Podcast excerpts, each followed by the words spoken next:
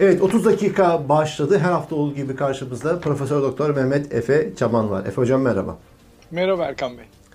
Ee, Ankara Tem. Ankara Tem'de işkence ve gözaltılar geçen haftanın gündemiydi. Ve pazartesi itibariyle Ankara Barosu İnsan Hakları Komisyonu'nun raporunu açıklayıp açıklamayacağını açıklayacaktı. Ve derken açıkladı. Biz Ankara Tem'de terörle mücadeledeki işkence raporunu açıklamayacağız dedi. Başkan Ankara Barosu Başkanı Kemal Koranel. Açıklamayacağız. Bir raporu yayınlamayacağız biz dedi. Biz bununla alakalı dedi. Savcılığa suç duyurusunda bulunduk. Ee, ondan sonra gerekeni yapacaktır savcılık tarzında bir açıklama yapmış oldu.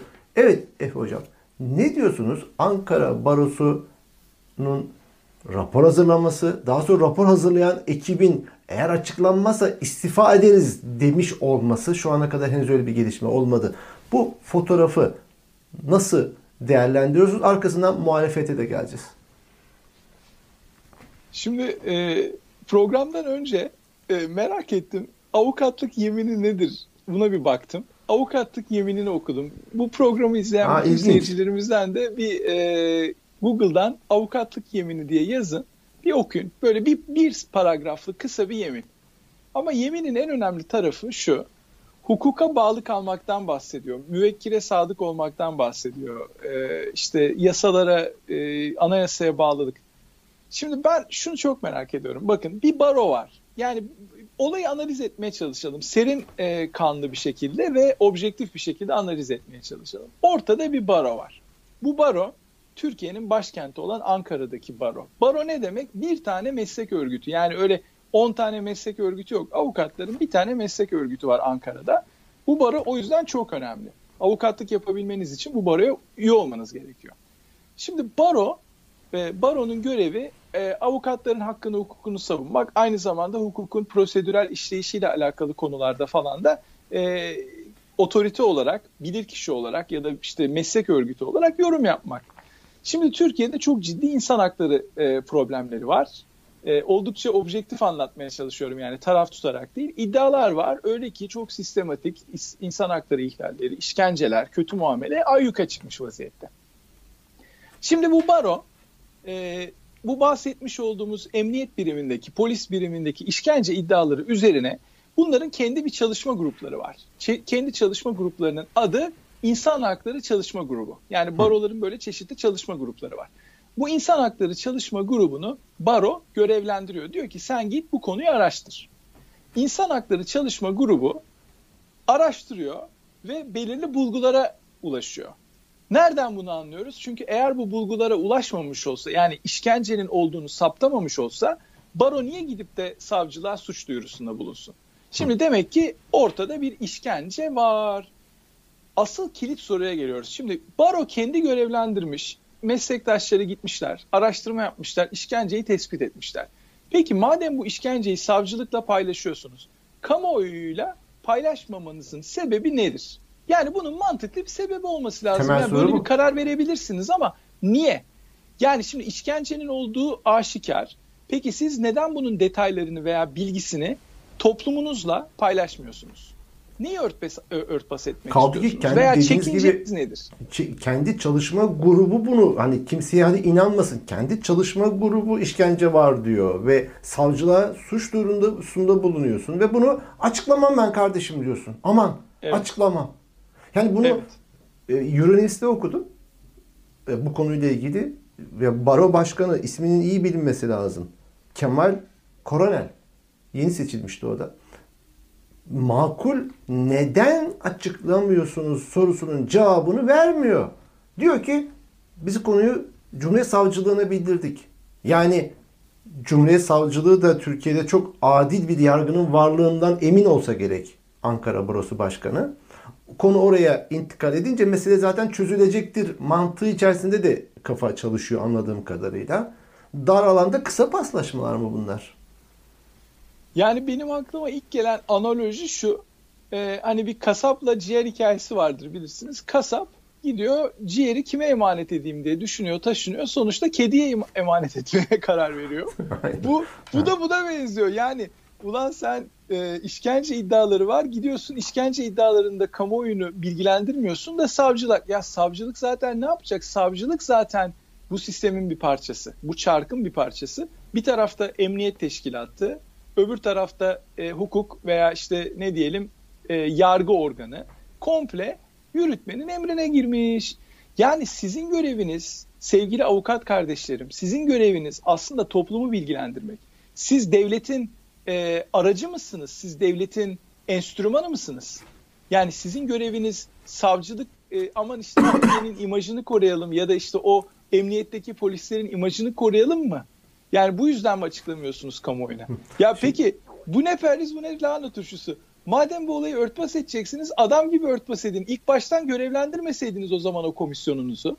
Yani bu da çok komik bir şey. Herhalde o komisyondan tabii her şey güllük gülistanlık gibi bir rapor bekliyorlardı belki de. Belki veya ben şöyle düşünüyorum. Yani bu barolar tabii monolitik e, kurumlar değil. İçinde çok farklı insanlar var. Çok dürüst insanlar. Ben eminim yani çok dürüst tabii. avukat kardeşlerimiz var o baroda çalışan. Onlar da bundan rahatsızlar. Yani baronun mensubu olan ki avukat kardeşlerimizin bir bölümü.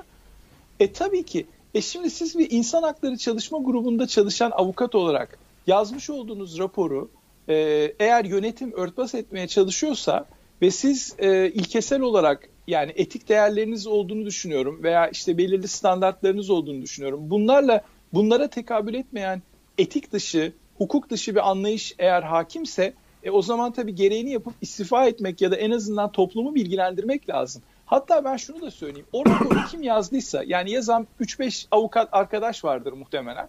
O avukatlar ellerinde Word dosyası duruyordur onun. Yani o illa hani gizli saklı böyle rapor derken Yayınlarsın, yani, ertesi istifayı basarsın. Ha, der dersin ki yönetim bunu yayınlamıyor ama ben bunu kendi kişisel inisiyatifimle yani bir avukat olarak ben bunu bir avukat olarak yayınlıyorum. Elime geçmiş bu doküman. Ben bunu yayınlıyorum dersin. Meydan okursun biraz. Yani bakın adam olmak çok önemli insan olmak, şahsiyet olmak, birey olmak çok önemli. Böyle yani baronun arkasında gizlenip ya işte yönetim böyle falan demek kurtarmaz bu insanları. Öyle bir rapor varsa o rapor yayınlanır arkadaş. Bir yiğit adam çıkar, o raporu sahte bir e-mail adresi üzerinden kamuoyuyla paylaşır. Budur rapor der. Yönetim ha. de der ki hayır orijinali bu değildir bu raporun der. En azından biz orada biraz daha geliştirmiş El altından yayınla canım. Ha. Hani Türkiye'de evet. bu tür şeyler kahramanlıktır. Yani adam birisinden biz kahramanlık bekleriz ama Türkiye'de İsveç toplumu yaşamıyor. Tabii. Türkler yaşıyor, Türkiye'liler yaşıyor, Türkiye'liler yaşıyor. Yani Nasrettin Hoca'nın yıllar öncesinden hikayesini bilirsiniz. Yani nasıl satmışlardı Akşehirliler, Akşehirliler derken Anadolu halklarını kastediyor. Timur'a giderken arkasında kimse yok. Nasrettin Hoca asırlar öncesinden bize e, bizim genlerimizle alakalı bir problemi davranış genlerimizle ilgili bir problemi söylemiş. Şimdi biz kahramanlık evet. bekliyoruz. Diyoruz ki ya sen hani çık. E dediğiniz gibi yani bunu bir yerden duyur. Fakat işin ilginç tarafı, altını çizilmesi gereken taraf. Şimdi Ankara Barosu Başkan Kemal Koranel yeni seçildi. Yeni işte yeni seçildi. Bir, birkaç ay oldu zannediyorum. Demokratik Sol Avukatlar Grubu adayı olarak girdi. Demokratik evet. Sol Avukatlar grubu Atatürkçü Kemalist evet. bir grup. Şimdi evet. bu ne iştir ya? Yani ben hep söylüyorum ya bu rejim tek başına tabii ki Erdoğan bu rejimin en önemli karar alıcısıdır. AKP bu rejimin en önemli siyasi sorumlusudur MHP ile birlikte falan. Bunlar gerçekler de bir de bu rejimin güç paydaşları var. Bu rejimin ortakları var. Gizli veya açık ortakları var. İşte gizli ortakları bu rejimin yaptığı bir takım e, faaliyetleri tırnak içinde söylüyorum faaliyetleri yani korkunç politikalar aslında bunlar. Bunlara göz yumuyorlar. Neden göz yumuyorlar? Çünkü kendileri hedef değil ya da kendilerine yakın ideolojiden olan insanlar hedef değil. Başka ideolojilerden, başka dünya görüşlerinden kendilerine rakip olarak gördükleri hatta kendilerinin düşmanı olarak algıladıkları insanlar hakkında devletin yapmış olduğu insan hakları ihlallerini görmezden gelme eğilimi içindeler. Ve bu çok tehlikeli, çok etik dışı, açıkçası çok şerefsizce bir tutum. Yani böyle bir şey nasıl olabilir? Şöyle bir şey diyebilir misiniz? Yani iki komşunuz var. Bir, ikisinin de evi yanıyor. Siz kom, yan, evi yanan komşularınızdan bir tanesinin evine e, işte su kovalarıyla koşuyorsunuz. E, kovaları boşaltıyorsunuz. Dönüşte de öbür eve uğrayıp körüklüyorsunuz o öbür evdeki yangını. Sonra koşup tekrar kovanızı doldurup gene birinci ev. Yani iki ev yanıyor. İkisi de komşunuz. Ha bir komşunuz size daha yakın, öbür komşunuz biraz daha uzak olabilir ama etik olarak mahalledeki insanlar demez mi? Ya bu ne biçim çifte standart? Siz nasıl insanlarsınız böyle? Kaldı yani siz bunu der. Hukukçusunuz. Hukukçusunuz. Hukukçusunuz. Hukuk, hak, Yani bir- hukuk temel Evet. meseleler. Şimdi burada hani biz yayın başında da konuşuyorduk yani bu videonun başına ne diyelim bir ne şey hani çay toplamaya çıktılar. Şimdi e, Yargıtay, Danıştay başkanları Erdoğan ve Emine Erdoğan'la birlikte Rize'ye çay toplamaya çıkmışlar hatırlar mısınız? Böyle Müthiş, Başkanlar müthiş. çay Evet. topluyorlardı. Ee, önlerini ilikleyip e, Cumhurbaşkanı karşısında halbuki e, düğme olmaz cübbede, önü iliklemez. Hiç Tabii. kimse ilikleyemez. Ee, yargı öyle bir yargıdır olması gereken yargı. Şimdi evet yargı cümbür cemaat çay toplamada. Şimdi oda da Aynen. çay toplama ekibinde ama bu çay çayda çıra ekibi diyeceğimiz bu ekibin içerisinde sadece baro yok. Tabii tabii. Ekip Partiler- çok geniş. Partiler de var. Şu ana kadar Tabii. ben taradım belki gözümden kaçmış olabilir mi bilmiyorum ama hatta bir arkadaşıma da sordum ya siyasi parti liderlerinden hadi milletvekilleri de dahil olsun. Ya bu Ankara'da işkence ayyuka çıkmış. Bu nedir? Deyip meclis soru önergesi versin, basın toplantısı yapsın. HDP'li Gergerlioğlu dışında ben rastlamadım. CHP'den tık yok. MHP zaten bir şey o alkışçısı iktidarına olan bitenin de e, yani Akşener'den tık yok. Ki kaldı ki ya aynı zamanda Akşener bir kadın. Kadın kimlik, kimlikli bir siyasetçi. İçeride kadınlar var işkence gören. Evet. Şimdi tık yok. Kılıçdaroğlu'ndan, Akşener'den, Davutoğlu'ndan, Babacan'dan yok oğlu yok. Çayda çıra ekibi. Ekip e, ekip gerçekten böyle dediğiniz gibi rejimin aslında ana hatlarını ortaya koyuyorsunuz. Yani çok net bir fotoğraf çekiyorsunuz. E, gördüğümüzü söylemek zorundayız ya. Yani şimdi hava bulutluyken havada bulut yok demenin ya da işte hava yağmurluyken aslında yağmur yağmıyor günlük güneşlik hava demenin bir alemi yok. Çok kötü bir durum var Türkiye'de ve biz bu kötü olan durumu söylemek zorundayız. Bunu söylemememiz veya başımızı öteki tarafa çevirip farklı farklı magazinsel konulardan bahsedip Türkiye'de her şeyin normal olduğunu insanlara lanse etmemiz etik dışı bir davranış olur. Çok yanlış şeyler oluyor. Şimdi bir baro yani arkadaş sen baroda e, görev almışsın, bir rapor yazmışsın. Raporda da işkenceye rastlamışsın ki bir sonraki aşamada gidip savcılığa suç duyurusunda bulunuyorsun. Herhalde ki suç duyurusunda bulunman şey değil. Yani o işkence e, iddialarında bulunan insanların aa şerefli polislerimize iftira attılar. Biz bunlar hakkında suç duyurusunda Bir de öyle bir şey bulunalım değil. olmasın ha. Ha bir dakika. O- bir de öyle bir şey yani çıkar mı? ben saf saf hemen ya şikayet bir de öyle bir şey çıkarsa şaşma. Ya şimdi e, ben Türkiye toplumundaki e, duyarsızlığı gerçekten anlamakta çok zorlanıyorum. Yani e, eğer işkence varsa işkence vardır. Yani işkenceyi yapanın yapmış olduğu bir ayıptır. İşkencenin sistematik olması devletin ayıbıdır. Bunları örtbas Suçtur, etmek suç. baroların görevi değildir. Yani bu çok büyük bir suçtur. Ayrıca bu suç e, zaman aşımına uğramayacak kadar önemli bir suç. Bu suçu örtbas etmek de bu suçun bir parçasıdır. Yani işkence suçu varken işkence yokmuş gibi davranmak veya işkencenin e, işte çok etkili olmadığını veya çok önemli olmadığı izlenimini yaratabilecek bir ortam oluşturmaya çalışmak da çok büyük bir suç aslında. İşkenceyi küçük göstermek. İşkence sistematik. Bu tek bir örnek değil. Ama sizin dediğiniz çok doğru bir şey var. Şimdi kaç tane parti var? Bakın mecliste Cumhuriyet, Cumhuriyet Halk Partisi var. İyi Parti var bildiğim kadarıyla. Kim var? MHP'yi hadi saymayalım. Ya en azından iki tane önemli parti var. HDP var. Yani HDP'nin aslında bu üç partinin kendi komisyonlarıyla, kendi görevlendirdikleri milletvekili arkadaşlarıyla birlikte o birincisi savcılıktaki e, suç duyurusuna ulaşma şansları var. Yani o suç duyurusu nasıl yapılmış? O çünkü şeffaf devlet diyoruz. Yani eğer devlet şeffafsa e, o partili milletvekillerinin gidip e, o suç duyurusunu bir kopya, kopya olarak almaları ve kamuoyuyla paylaşmaları lazım. Diğer taraftan aynı ekip, aynı milletvekili ekibi gidip Ankara Barosu'yla görüşebilir. Ankara Barosu'nun başkanından randevu isteyebilir. İnsan Hakları Çalışma Grubu temsilcileri, arkadaşları partilerine davet edebilir ya da onları ziyaret edebilir, onlarla görüşebilir. Bunlar yani olmazsa olmaz şeyler. Garip bir durum var çünkü. Yani neyi gizliyorsunuz? Gizlenecek ne var? Eğer eminseniz e, yazdığınız raporun doğru olduğundan neden örtbas etmek istiyorsunuz? Birileri size baskı mı yaptı? Birileriniz, birileri kulağınızı mı büktü? Birileri size aba altından sopa gösterdiyse o da ayrı bir suç. Onu da deşifre etmeniz lazım. Ya da sizin e, amacınız nedir? Yani işkence yapılanlar yoksa sizin de kendinize yakın bulmadığınız hatta düşman adettiğiniz insanlar bundan dolayı çok önemli değil. Aynı işkenceyi mesela CHP'li birine yapmış olsalar, aynı işkenceyi mesela ülkücü camiadan e, işte İyi Parti'nin yakın olduğu bir gruba yapmış olsalar, yani o zaman da mı örtbas edeceksiniz?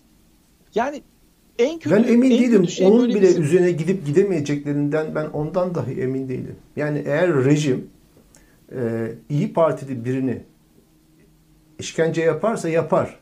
İyi Parti ona gık demez, diyemez. Bendeki imaj bu. Bendeki imajları bu. Diğer partiler için de hakeza böyle. Ben eğer devlet ve rejim dediğimiz o derin yapı bir şeye karar verdi ve uyguladıysa tek sıra sebilhane bardağı gibi tek sıralı veriyorlar. Gık çıkaramıyorlar. Ağızlarından bir şey çıkmıyor. Yani aslında dediğiniz gibi yapacak o kadar çok şey var ki. gidersiniz işte ya temin önüne gidersiniz. Orada bir basın açıklaması evet. yaparsınız. Bir duyarlılık oluşturursunuz. Hani işkence var diye bağırmayın. Ama deyin ki işkence iddiaları var ki işkencenin olduğu evet. birçok şeyle ortaya çıktı ama hadi temkinli dil kullanın. Deyin ki kardeşim burada çok ciddi iddialar var ve ben de milletin vekiliyim ve bir siyasi parti lideri olarak buna dikkat çekmek istiyorum. Ne kaybedersin? Ne kaybederler hakikaten? Çok şey kaybederler Hayır belki şu var yani çok basit bir şey var. Yani savcılığa gidip size suç duyurusunda bulunulmuş. Biz bu suç duyurusunun bir kopyasını rica ediyoruz demesi lazım milletvekillerinin ya da partilerin. Savcılığın şey deme şansı yok. Yani Aa, biz bunu sizinle paylaşamayız. Böyle bir şey olabilir mi? Yok yani oda başkanı söylüyor zaten lazım. bunu. Diyor ki oda başkanı koroner. Ayrıntılı bilgi diyor başsavcılıktan alabilirsiniz diyor. Biz oraya müracaat ettik diyor. Adres orası diyor. Adres de belli. Tamam. E, ben zaten kor koroneri ve e, İsta, e, Ankara barosunu bu konunun haricinde tutarsak yani hani diyelim ki bunlar ketum, bunlar bir karar vermiş, söylemek istemiyorlar, kamuoyuna aydınlatmak istemiyorlar. Bir takım gizledikleri şeyler var. Eteklerindeki taşları düşürmüyorlar. Ağızlarındaki baklayı çıkarmıyorlar. E, o zaman e, partilerin, CHP gibi, İyi Parti gibi partilerin genel başkan yardımcısı veya işte e, insan hakları komisyonlarıyla alakalı görevlendirdikleri milletvekilleri vardır. Bunların gidip savcılıktan bilgi almaları lazım. Veya mağdurların, malul ve mağdurların e, aileleriyle görüşmeleri lazım. Onları davet edip sizin yakınlarınız, akrabalarınız, eşiniz işte veya kardeşiniz ne yaşadı kardeşim anlatın bize bunları. Bunu söylemeleri lazım. Yani şimdi e, Ankara Barosu'nun İnsan Hakları Çalışma Grubu bir rapor yazabiliyor da neden Cumhuriyet Halk Partisi'nin ya da İyi Parti'nin İnsan Hakları Çalışma Grupları bu konulara yoğunlaşıp bir rapor yazmıyor? İkinci bir raporda siz yazın. Üçüncü bir rapor yazın. Tabii. Kamuoyunu aydınlatın kardeşim. Kamuoyundan neden gizliyorsunuz? Bakın şunu sorayım ben. Hem yetkililere hem Ankara Barosu'na hem de bütün partilere ve Türkiye kamuoyuna. Neden gizliyorsunuz? Ya gizlemek bakın nedir? Ayıp yani korkacak bir şeyiniz yoksa, gizli saklı bir durum yoksa. Eğer işbirlikçi değilsen ne diye sen bundan mahcup bir sessizlik içerisindesin? Üstüne git. Niye örtbas ediyorsun? Üstelik muhalefetin biliyorsun değil mi? İşte yakala iktidarın bu yanlışını bin tepesine. Fırsat bu evet. fırsat. Bin tepe. Fakat şunu da belirtelim. Belki izleyiciler diyecektir ya kardeşim Türkiye'de işkence ilk defa Ankara Tem'de olmuyor her dönemde bu ülkede işkenceler oldu. İşkencelerle, nezarethanelerde yüzlerce, binlerce insan öldürüldü bu ülkede. Diyarbakır cezaevinden tutun işte günümüze kadar. Daha niceleri hep oldu. Ama tavır hep aynı oldu bu partilerin. Tık. Yok. Evet. Tık yok. Yani ben bir şey daha bakın bu konuyla ilgili partilerle alakalı bir şey daha söyleyeyim. Şimdi işkence iddiaları genel anlamdaki takibat politikalarının bir parçası Türkiye'de. Geçenlerde bir açıklama yapıldı. 2 milyon yani 1 milyon 900 bin e, 970 küsür bin yani 2 milyona çok yakın bir rakamda insan işlemden geçirilmiş. Yani terörizmle herhangi bir şekilde bağlantılı olarak işlemden geçirilmiş. Aileleriyle birlikte 10 milyon insan olduğunu düşünün yani. 10 milyon insan e, suçlanmış. Aile bazında da hareket ederse. E şimdi bütün partilerin birleşip ya normal bir memlekette bu kadar yüksek rakamlarda insanların terörizmle irtibatlı olmaları mümkün müdür diye bir e, basın açıklaması yapıp soru sormaları lazım. Yani işkence iddiaları da çünkü bunun bir parçası. Bakın ben bunu niye yapmadıklarını söyleyeyim. Hedef olarak gösterilen veya hedef olarak şu anda peşinden gidilen, takip edilen, işkenceye maruz bırakılan, öldürülen veya işte çok kötü koşullarda hapishanede e, olmak zorunda kalan insanların aidiyetleri temel kilit nokta burada. Bu insanlara tırnak içinde FETÖ'cü diyerek temize çıkarıyorlar. Yani diyorlar ki bunlar e, Gülen cemaatiyle bağlantılı adamlar. Boş ver bunların üzerinden devlet geçsin hiç önemli değil bizim için. Böyle bakıyorlar adamlar olaya.